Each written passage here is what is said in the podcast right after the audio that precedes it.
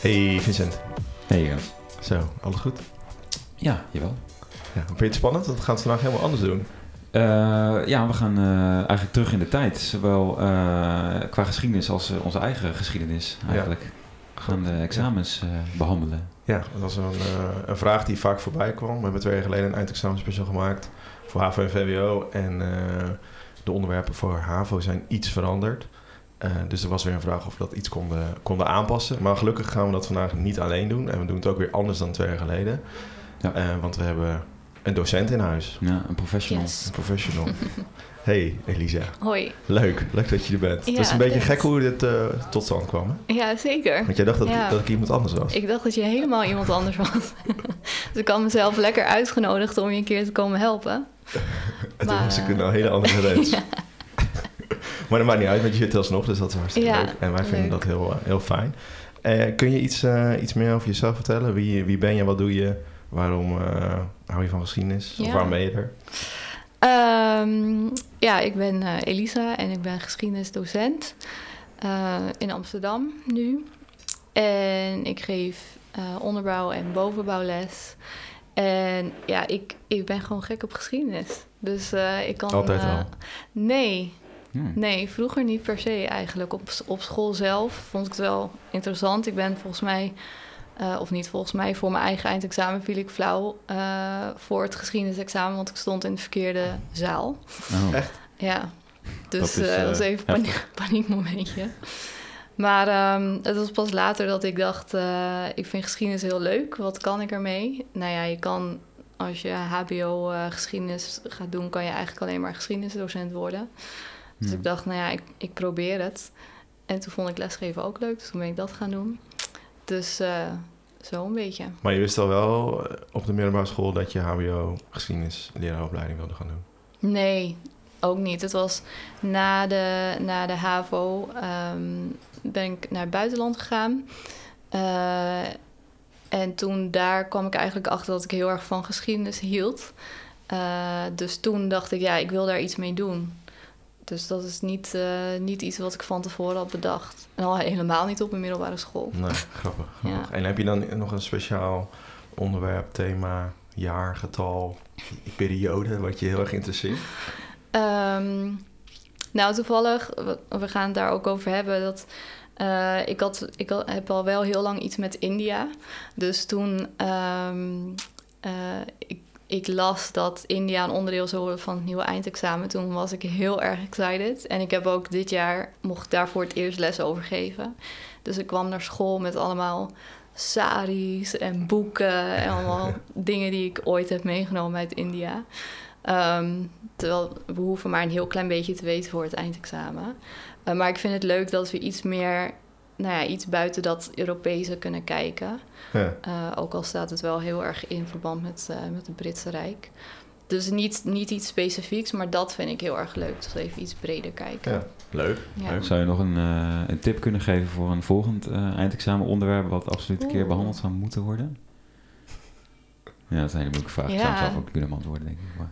Gewoon iets met... Ehm, hoe is dat? Burgondiërs.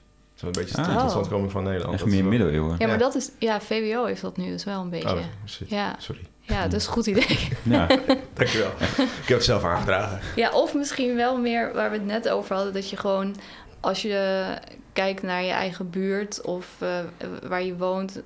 Um, waar dan de link ligt met de geschiedenis. Waarom, waarom die straatnamen, waarom dit gebouw...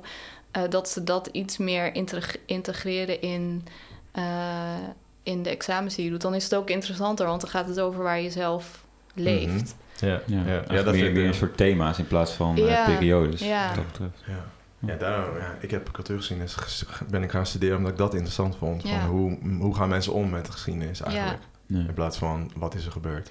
Dat is eigenlijk veel leuker, vind ik hoor. Dat is een goed idee. Ja, maar, maar geen het is idee moeilijk, hoe, want je moet dan wel de geschiedenis ook kennen om dat te kunnen doen. Waar, dat is waar, ja. Leuk. Uh, voordat we te, te veel uh, af... Ja. Uh, ja, we hebben, we hebben niet zoveel tijd. Een hoop dingen te doen. nee. nee, want we gaan het vandaag dus wel echt even anders doen. We hebben geen personage, maar we gaan nog gewoon de, de eindexamen onderwerp voor HAVO langs. Uh, en die zijn dit jaar verdeeld over drie, eigenlijk drie wat grotere onderwerpen. Het Britse Rijk 1585 tot 1900, Duitsland in Europa 1918 tot 1991 en Nederland 1948 tot uh, 2008. En daar behoren een hele rits uh, kenmerkende aspecten. En eigenlijk proberen we het een beetje te verdelen. Dus ik doe de eerste, uh, Vincent doet de tweede en samen doen we de derde. En uh, jou, Elisa, jij springt gewoon lekker in, denk ik. En ik heb ook wat vragen voor je, dus dat komt wel goed. Ja. En er zijn ook wat vragen binnengekomen, dus die komen ook langs. Aan het, en aan het einde hebben we nog een soort uh, tips en uh, tricks. Uh, vijf minuten, zodat jullie helemaal goed voorbereid zijn op het, op, op het eindexamen. Ja, we kunnen jullie natuurlijk niet garanderen dat dit meteen een goed cijfer oplevert. Nee. Ga ik zeker andere dingen bekijken, lees je boek, leer gewoon. maar we hopen een beetje de grote lijnen uit te stippelen, zodat je beter de context in ieder geval begrijpt. Ja. Soms helpt het gewoon een beetje om het een keer van iemand anders te horen of in een andere volgorde. Of, uh, nou ja. ja. Ja, ja. En dan voordat we gaan beginnen, we nog even over die kenmerkende aspecten hebben. Dat is natuurlijk gewoon een ding wat je moet, wat je moet leren en wat wij dus niet zo goed kennen, Vincent en ik. Maar hoe moeten we dat precies zien, uh, Elisa? Is het een soort. Wat, wat, wat, zijn het? Jij had het wel een beetje gezegd net in het ja. voorgesprek. Je noemde toen een kader. Ja. Ja, het zijn eigenlijk gewoon hele uh, vervelende lange zinnen. Mijn mm -hmm. leerlingen die mogen de korte versies leren, want die zijn er tegenwoordig ook. Um, maar die zinnen die geven je, geven je een kader voor het onderwerp waar je mee bezig bent. Dus als je um, kijkt naar, die, naar de tijdvakken die je moet kennen en als je die kenmerkende aspecten dan uit je hoofd kent, dan heb je eigenlijk een samenvatting van de belangrijkste punten van dat tijdvak. Um, en als je dan naar de verdiepende onderwerpen kijkt die wij vandaag gaan behandelen en je kan die koppelen aan dat kenmerkend aspect, dan weet je, oké, de verlichting komt hier in, naar voren, dus dan moet ik aan deze woorden denken, aan deze personen, aan deze jaartallen. Uh, dus het is een, uh, ja, een kader uh, of een basis die je hebt waarop je verder kan bouwen met de kennis die, die je hebt over dat onderwerp. Ja, mooi. Ja. Dus dat is denk ik wel, wel goed. Een soort, een soort fundament van het huis. Ja, nice. ja. Toch? Ja. ja, het is eigenlijk een soort kenmerkend aspect is het eigenlijk. Oh, van, die, van die periode. Jemig, Vincent. Oké, okay, uh, laten we snel gaan naar het eerste, naar het eerste onderwerp. Uh, het Britse Rijk, 1585-1900.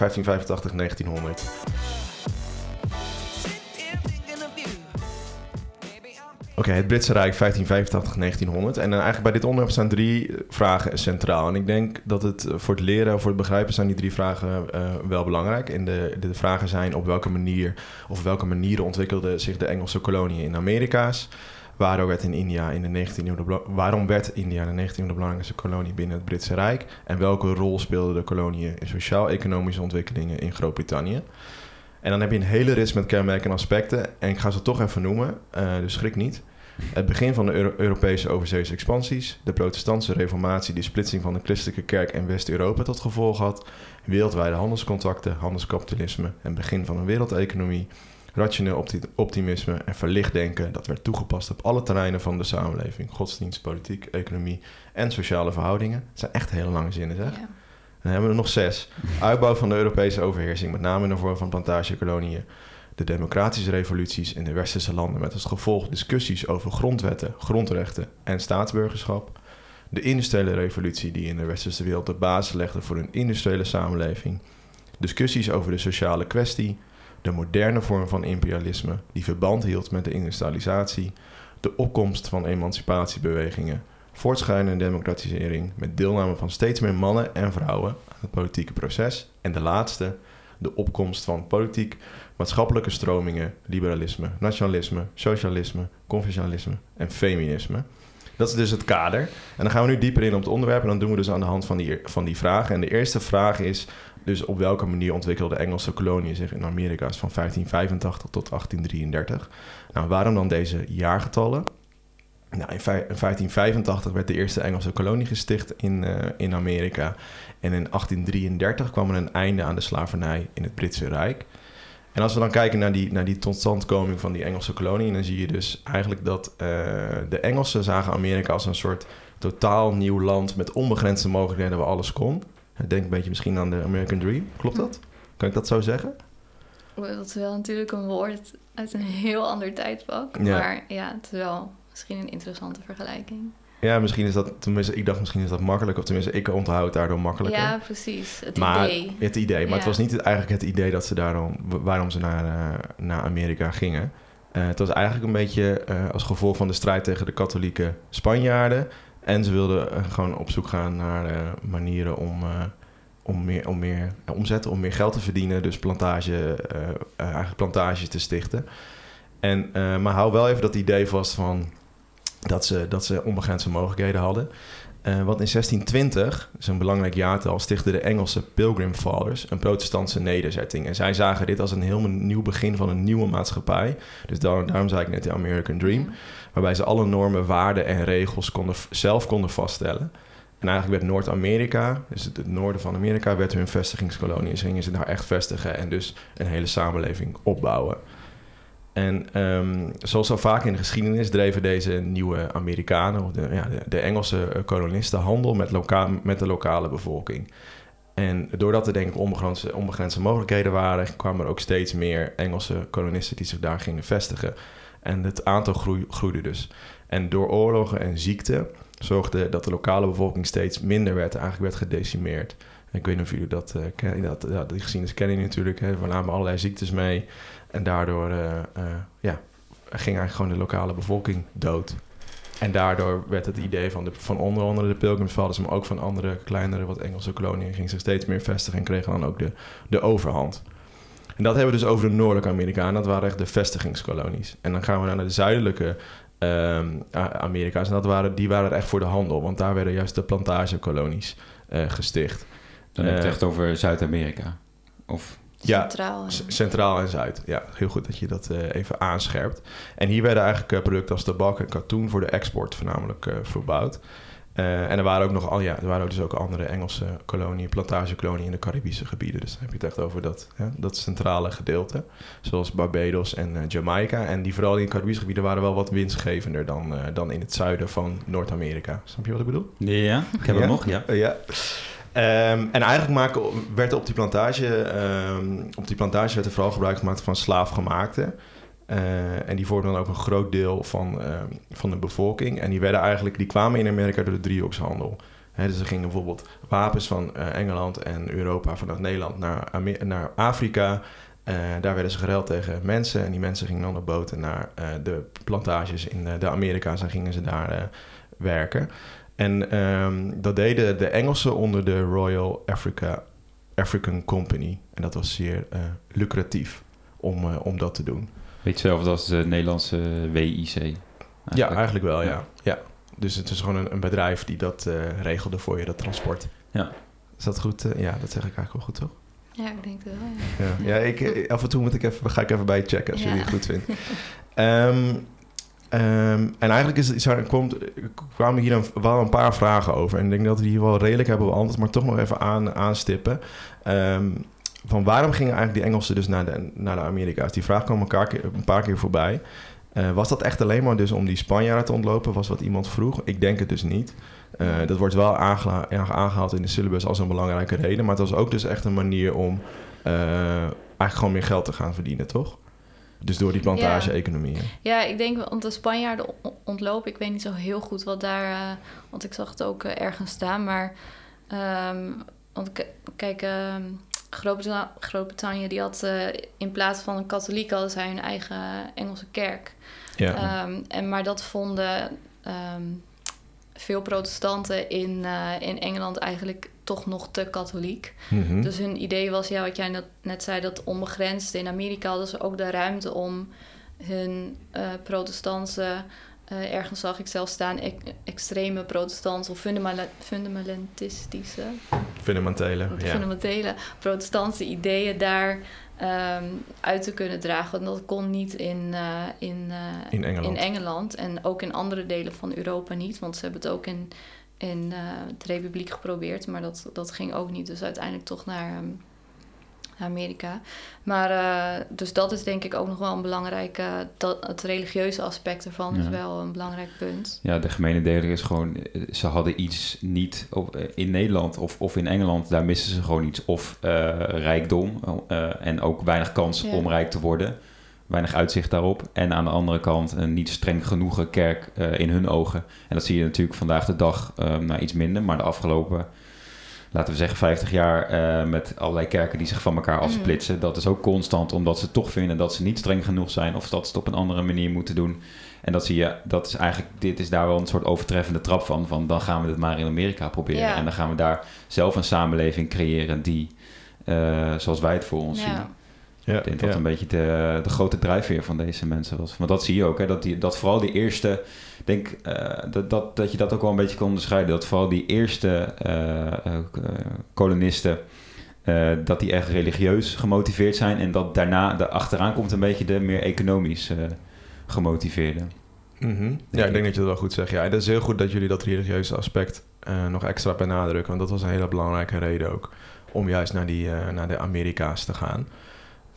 En ik denk een, een, voorbeeld van als je dan echt over die fundamentele religieuze opvatting heb. Uh, de Amish bijvoorbeeld is daar ook een soort van... Mm. Ja, dat is wel met Duitse invloed. Dan moet, kan je, mag je allemaal vergeten. Maar dat geeft denk ik wel een goed voorbeeld van uh, hoe dat toen, toen was. Um, maar tegelijkertijd, ik zei al, er gingen steeds meer Engelsen zich ook vestigen. Dus onder andere door die onbegrensde mogelijkheden en was lekker veel geld verdienen.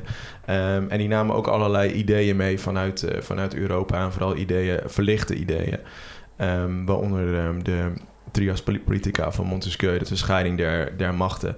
Ehm, want die Engelsen in Amerika, die, hoorden, die waren officieel nog Engels, maar ze hadden eigenlijk helemaal geen inspraak in het Britse parlement.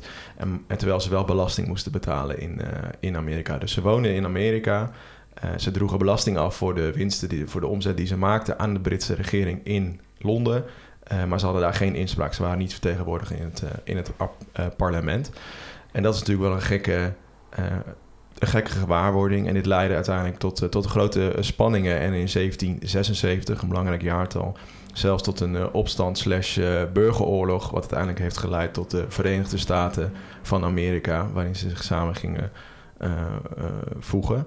Zijn er dan nog belangrijke aspecten die daar, die daar nog extra benadrukt bij moeten worden... bij die, bij die burgeroorlog? Ja, ik denk, je, je noemde de verlichting al even. Ja. Ja, dat, die is gewoon, die is wel key. Dus dat, uh, dat je nadenkt over wat, wat zijn de ideeën van de verlichting.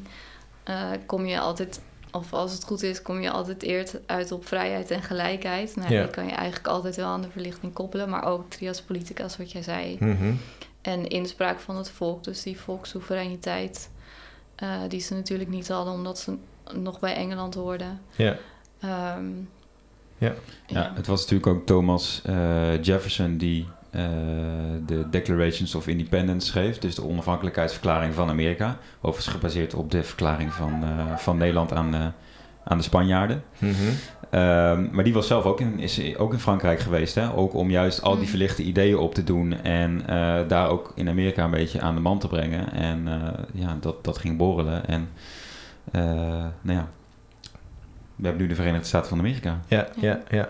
Ja, en die verlichte ideeën hadden ook um, invloed op, um, op de slaafgemaakte op de plantage-economie. Want jij zei net al, uh, uh, eigenlijk als je heel kort de verlichting samenvat, gaat het over vrijheid en gelijkheid. Um, en dat helpt natuurlijk ook, dat werkte ook door op, uh, op de slaven op de, op de plantages, want die waren natuurlijk niet gelijk aan hun, aan hun plantagehouders en moesten werken. dus in 1807 kwam er een verbod, verbod op de slavenhandel. Um, waardoor eigenlijk uh, de verschillende plantagekoloniën uh, zoals Jamaica en Barbados economische achteruitgang kregen. Dus dat was dan meteen de directe impact. En dat modder eigenlijk een beetje door, die, ehm, die verbod op de slavenhandel. En in 1833, en dan zijn we ook bij het einde van dit kleine onderwerpje, kwam er ook een verbod op slavernij in het gehele Britse Rijk. En dan zijn we eigenlijk bij het einde van, uh, van de vraag uh, op welke manier ontwikkelden de Engelse koloniën zich in Amerika. Dus ik denk dat het belangrijkste is om te onthouden, en Vincent en Elisa vul mij uh, zeker aan, is ehm, dat, vanaf 15, zo, dat vanaf 1585 de eerste Engelse um, kolonisten gingen vestigen in, vestigen in Amerika. Dat was een religieuze overweging en ook zowel een economische overweging. Um, en dat ze daar zich steeds meer een eigen maatschappij gingen vormen. En tegen de Engelsen ingingen in Engeland en uiteindelijk een eigen land werden. Um, mede onder invloed van de, van, de, van de verlichting. Ik denk dat ik het zo goed uh, even kort uh, samenvat. Ja. En dan gaan we door naar de volgende vraag eh, van dit onderwerpje. En dat was waarom werd India in de 19e eeuw de belangrijkste kolonie binnen het Britse Rijk? En hier kwamen eigenlijk heel veel vragen over binnen. En vooral echt over de, vooral deze vraag van... eh, hoe kon eh, Engeland opeens zo machtig worden in India? Eh, waarom eh, werd India uitgekozen? Weet je, dat soort vragen kwamen eigenlijk allemaal eh, eh, binnen. En deze periode is afgebakend als van 1765 tot 1885. En dat, we beginnen deze periode in vij- 1765, omdat toen het verdrag van Allaha- Allahabad, ik hoop dat ik het goed uitleg, maar jij weet dat misschien wel. Hoe, hoe Hoe je het? uitspreekt. Ja? Ja? ik ben er ook altijd mee aan het rommelen. Heel veel A's, Allahabad. Ja. Eh, Allahabad. Eh, dit, was, dit is eigenlijk eh, officieel het begin van het Britse Rijk in India. Daar vertel ik later meer over. En we eindigden in, eh, in 1885, omdat toen het Indian National Congress werd opgericht. En daar vertel ik later ook meer over wat dat eigenlijk betekende en wat dat lied. eh, wat, eigenlijk is het een soort ehm, eh, symbool voor, voor iets groters. Ik ga zo uitleggen wat dat betekent. Spannend. Ehm, laten we beginnen. Dus ik eindig net bij die Amerikaanse onafhankelijkheid eigenlijk. Hè, de afschaffing van de slavernij in, de, in, in Amerika. En dat had best wel veel input of invloed op, eh, op Gro- Groot-Brittannië. Ze waren een groot deel van hun eh, plantage-economieën kwijt. En ook dus een groot deel van hun eh monies. kort gezegd. En daarom gingen ze, probeerden ze het zwaartepunt te verleggen naar, naar Azië. En dus ook naar, naar India. En door het verdrag van Allahabad... ehm, kreeg eigenlijk eh, eh, Groot-Brittannië een soort handelsmonopolie in, eh, in India. Ze gingen een soort verdrag sluiten met de Mongoolvorsten. Dat waren de lokale vorsten in, in India. En ze kregen iets meer, ook iets meer lokaal zeggenschap. En eigenlijk door dat, door dat handelsmonopolie en dat lokale zeggenschap... kon je wel spreken van het begin van het Britse Rijk in, in India. En het Britse leger speelde daar een hele belangrijke eh, rol in. Want zij moesten dat bewaken. Maar er waren eigenlijk heel weinig, groot, eh, eigenlijk heel weinig Engelsen in, eh, in India. Dus wat ze deden was dat ze juist lokale mensen gingen vragen om te dienen in hun, in hun leger. Dus eigenlijk de soldaten van het Britse leger in India kwamen voornamelijk uit, uit India zelf. En de legerleiding was natuurlijk dan weer, weer Brits. En dit is best wel een gekke... Hoe zeg je dat? Een gekke eh, gewaarwording of een gekke... je ziet het wel vaker, maar Gekke dat, constructie. gekke constructie, maar dat leidt natuurlijk vaak ook wel tot, eh, tot conflicten. En hier ook. Je ziet dat in 1857, en dat is dan een belangrijk jaartal, komt er een grote eh, lokale, of een Indiaanse opstand, of een opstand van Indiërs. En die wordt hard neergeslagen door, door het leger met de Britse leiding. En eigenlijk betekende dat, hè, je ziet dan dat vanaf 1765 er een soort van indirecte ehm, eh, invloed is van Groot-Brittannië op India. Dus het gaat vooral over de handel. En dan juist vanaf na die opstand die hard neergeslagen wordt, is er eigenlijk sprake van direct gezag over India. En wordt Queen Victoria, dus de lokale koningin van eh, Groot-Brittannië, ook de koningin van, eh, van India. Eh, en dus zo breidde langzaam eh, Groot-Brittannië zijn, eh, haar invloed uit op, eh, op India. Met als belangrijkste reden natuurlijk ook weer dat ze daar veel konden handelen. Het was ook een belangrijk, ze konden daar zowel eh, grondstoffen vandaan halen, eh, eten, maar ook juist heel veel dingen verkopen aan, eh, aan Indiërs.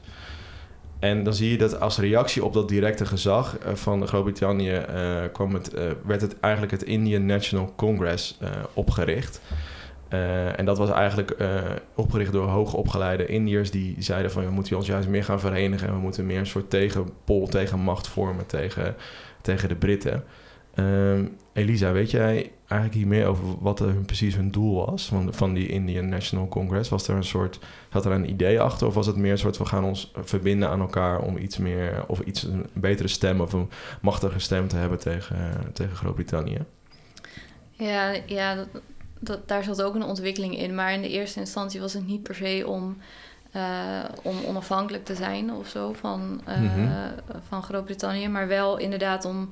eh, want India bes- bestond en bestaat nog steeds uit heel veel verschillende groepen. Toen verschillende vorstendommen Ja. en verschillende lagen in de samenleving. Dus ze probeerden een soort eenheid daarin te creëren, zodat ze wel een, een, ja, een sterkere stem waren die, die tegen de Britten in konden gaan. Want dat, dat lukte eigenlijk niet. Of dan deed de een het wel en de ander weer niet. Dus dat, eh, ze probeerden hier een beetje eenheid in te creëren. En dat heeft uiteindelijk wel door ook weer die ideeën van de verlichting, die, westers, die toen nog heel erg westerse ideeën, ehm, eh, die werden daar ook steeds, kregen daar steeds meer voet aan de grond en eh, gingen zich verder ontwikkelen, waardoor ze uiteindelijk wel dus eh, onafhankelijkheid ook wilden. Ja, Maar dat ja. is in de eerste instantie niet per se, eh, niet per se het doel. Nee, want als ik het goed, ehm, goed uitleg, is eigenlijk dat eh, hè, dus na die opstand werd, ja, werd, werd het gezag, nou, was Gro- Groot-Brittannië eigenlijk de baas in, in India. Gingen ze ook allemaal dingen doorvoeren, zoals onderwijs, het rechtssysteem. Dus alles eigenlijk kopiëren, plakken in, in India. En dit is dan, dat waren allemaal kleine ontwikkelingen. En dit is eigenlijk een soort uitvloeisel daarvan.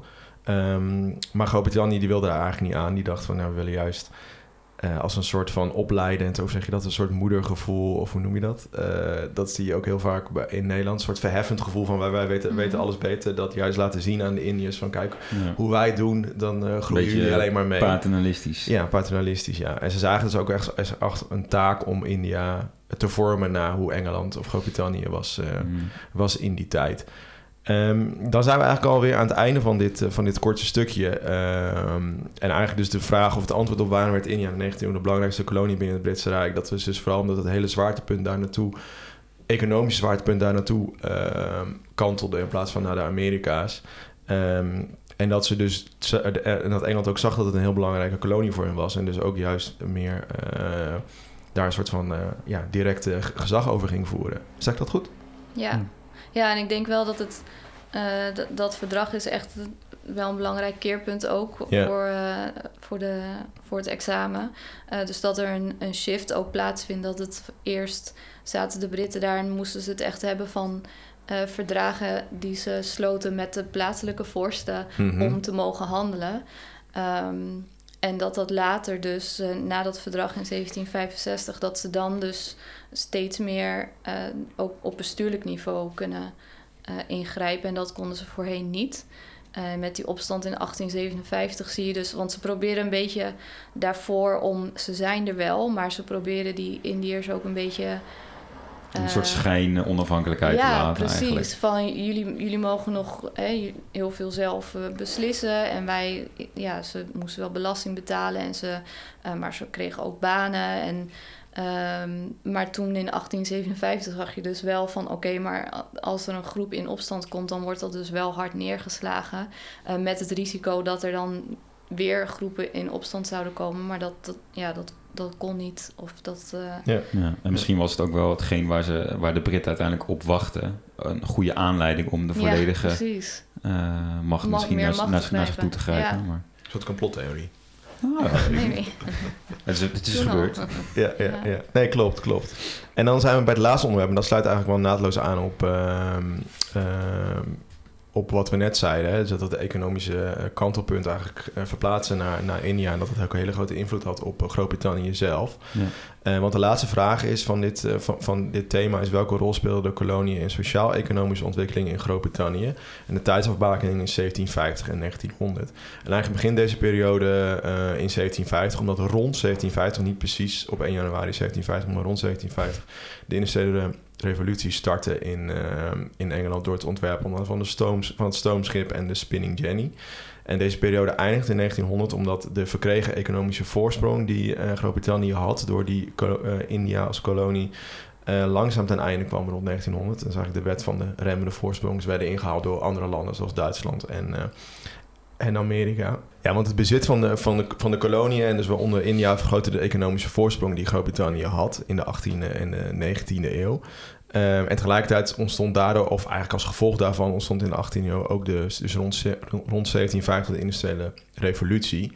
Ehm, en door verbetering in de landbouw en door eh, ziektebestrijding, maar ook dus die ontwerpen van de stoomschip en de spinning jenny, eh, nam de welvaart toe, eh, nam de vraag naar goederen toe, nam het aanbod toe en kwam go- goedkopere arbeid kwam steeds meer aan, aan zet. Ehm, en dat heel veel ondernemers uit, uit Engeland investeerden dan hun winsten uit de koloniën in de industrie in Groot-Brittannië en in transport. Eh, waar eerst dan vaarwegen werden gemaakt door, eh, door, door de Engelsen. En daarna kwamen, werden de spoorwegen aangelegd, waardoor het nog makkelijker werd om goederen te verplaatsen, goederen te verhandelen. En nog meer interactie was eh, onderling. En grond- grondstoffen, bijvoorbeeld kantoen, die kwamen dan uit de kolonie in het Caribische gebied en uit de Verenigde Staten en uit India. Die werden dan weer verhandeld en die konden weer eh, hoe zeg je dat? Er konden weer dingen van gemaakt worden in Engeland en die konden dan weer verkocht worden in India bijvoorbeeld of in de rest van, eh, van Europa natuurlijk. Verplicht. Verplicht, ja, heel goed. In India was het verplicht, in de rest van Europa niet. Goede toevoeging. Ehm, En, uh, en daardoor werd India ook de belangrijkste afzetmarkt eigenlijk van de katoenindustrie. Wat echt wel gek is, want ze gingen dus daar katoen halen en dan in Engeland verwerken tot een product. En dan weer verplicht verkopen aan de lokale mensen in, uh, in India. Um, maar dat betekent ook dat de Britse markt wel gevoelig was voor, voor dingen die gebeurden in de wereld. Ze waren wel afhankelijk van hun afzetmarkten. Dus als er iets gebeurde in Nederland of in Frankrijk of dus in India. En daardoor was er minder vraag of juist meer vraag. Uh, dat had meteen uh, impact op, uh, op Engeland. Want zij waren gewoon de belangrijkste economische speler op dat, op, op dat gebied. Ja. Um, maar deze welvaart en deze groei en eigenlijk deze, dus deze industrialisatie zorgde ook um, voor andere dingen. Namelijk dat het handelskapitalisme, dus wat je zag in de jaren of de tientallen jaren daarvoor of de eeuwen daarvoor, eigenlijk veranderen in een industrieel kapitalisme. Het ging veel minder om het verhandelen of het handel drijven met andere landen en dan weer doorhandelen. Denk aan die transatlantische handel in, uh, bij, bij, het, bij vraag 1 die we hebben behandeld. Het ging veel meer over de, in, over de industrie. En ondernemers, dus de fabriekseigenaren in die tijd, die streed dan ook naar een liberale markteconomie met vrijhandel en een kleine rol uh, voor de overheid. Hè, zodat ze zelf konden bepalen wat de wetten en regels waren. Zelf konden bepalen hoeveel mensen en hoe jong ze waren die konden werken in de fabrieken, hoe lang ze open waren, hoeveel ze konden vragen voor producten uh, et cetera, et cetera. Maar door welvaart ontstond er ook, of door de groeiende welvaart en door de groeiende industrie ontstonden er ook allerlei sociale klasses. En dat is eigenlijk toch niet zo'n, uh, dat zien we toch wel vaker, jongens. Dat uh, als, de, als, de, economie groeit en er worden mensen gevraagd en mensen worden rijk en er komen fabrieken, ja, dan moeten daar natuurlijk ook mensen gaan werken, maar die verdienen dan weer minder, waardoor er eigenlijk allerlei verschillende uh, sociale klasses ontstonden.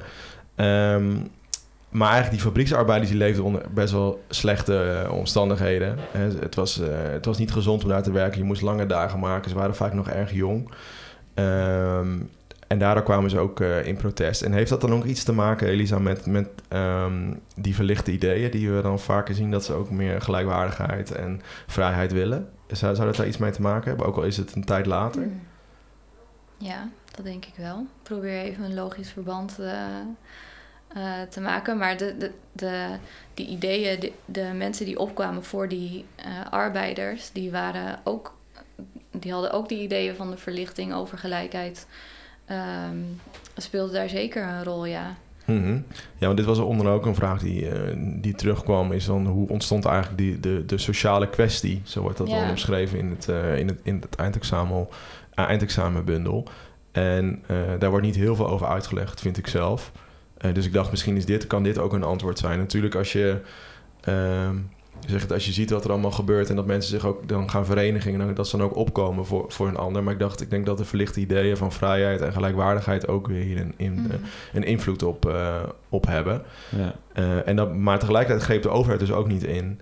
Nou ja, die, dat die, was dus de kwestie. Ja. ja. Want die, die, die sociaal, en dat, dat is wel een mooie vraag trouwens, want de, um, als je het hebt over de sociale kwestie, dan denk tenminste de leerlingen vaak alleen aan uh, wat jij net opnoemde, de omstandigheden waren slecht, of mm-hmm. armoede, uh, onhygiënisch, dat soort zaken. Maar de, uh, dat waren kenmerken van die kwestie, maar de sociale kwestie, dat begrip gaat eigenlijk over moet de politiek ingrijpen? En zo ja, in hoeverre moeten zij dan ingrijpen? En dat, ja, dat idee van moet, moet de politiek zich gaan inzetten voor die mensen, dat is uh, gebaseerd op die, die verlichte ideeën weer, ja. ja. Ja, en dat deden ze eigenlijk eerst niet, omdat die ondernemers in eerste instantie juist wilden, wilden dat een soort liberale overheid was, wat ik hiervoor zei. Ja. Dat, ze dus minder, dat de overheid minder macht had. Want dat is natuurlijk ook een verlicht idee, ja. vrijheid. Ja. Uh, dus dat je juist de kans hebt om, om zoveel mogelijk te produceren of zo groot mogelijk je fabriek uh, op te bouwen. Ja, dus, dus het is eigenlijk een soort uh, uh, punt waar je uiteindelijk op uitkomt als je die verlichte ideeën doorvoert. Hè, als je, als je libera liberale ideeën doorvoert, dus iedereen een soort van de vrijheid geeft, zowel ondernemers als arbeiders. Mm. Dat is eigenlijk voor de ondernemers veel gunstiger, gunstiger ja. dan voor de arbeiders. Hè? Mm -hmm. dus, dus je zegt van oké, okay, nu is iedereen vrij. Maar hoe gaan we dus nu met die vrijheid om? Ja. Dat is eigenlijk een beetje die, die sociale kwestie. Ja, van, van hoe, hoe stem je dat nou een beetje op elkaar af? En wie zorgt nou voor wie? En uh, ja, iemand mag het weer niet te dupe worden. Uh, iemands vrijheid mag weer niet ingeperkt worden door de vrijheid van een ander, nee, namelijk precies. van de ondernemer. Ja. ja. En om het nog ingewikkelder te maken en een link naar India te leggen weer. Die arbeiders in, uh, in Europa en in Engeland, die, die wilden natuurlijk gelijk dat ze gelijk behandeld werden.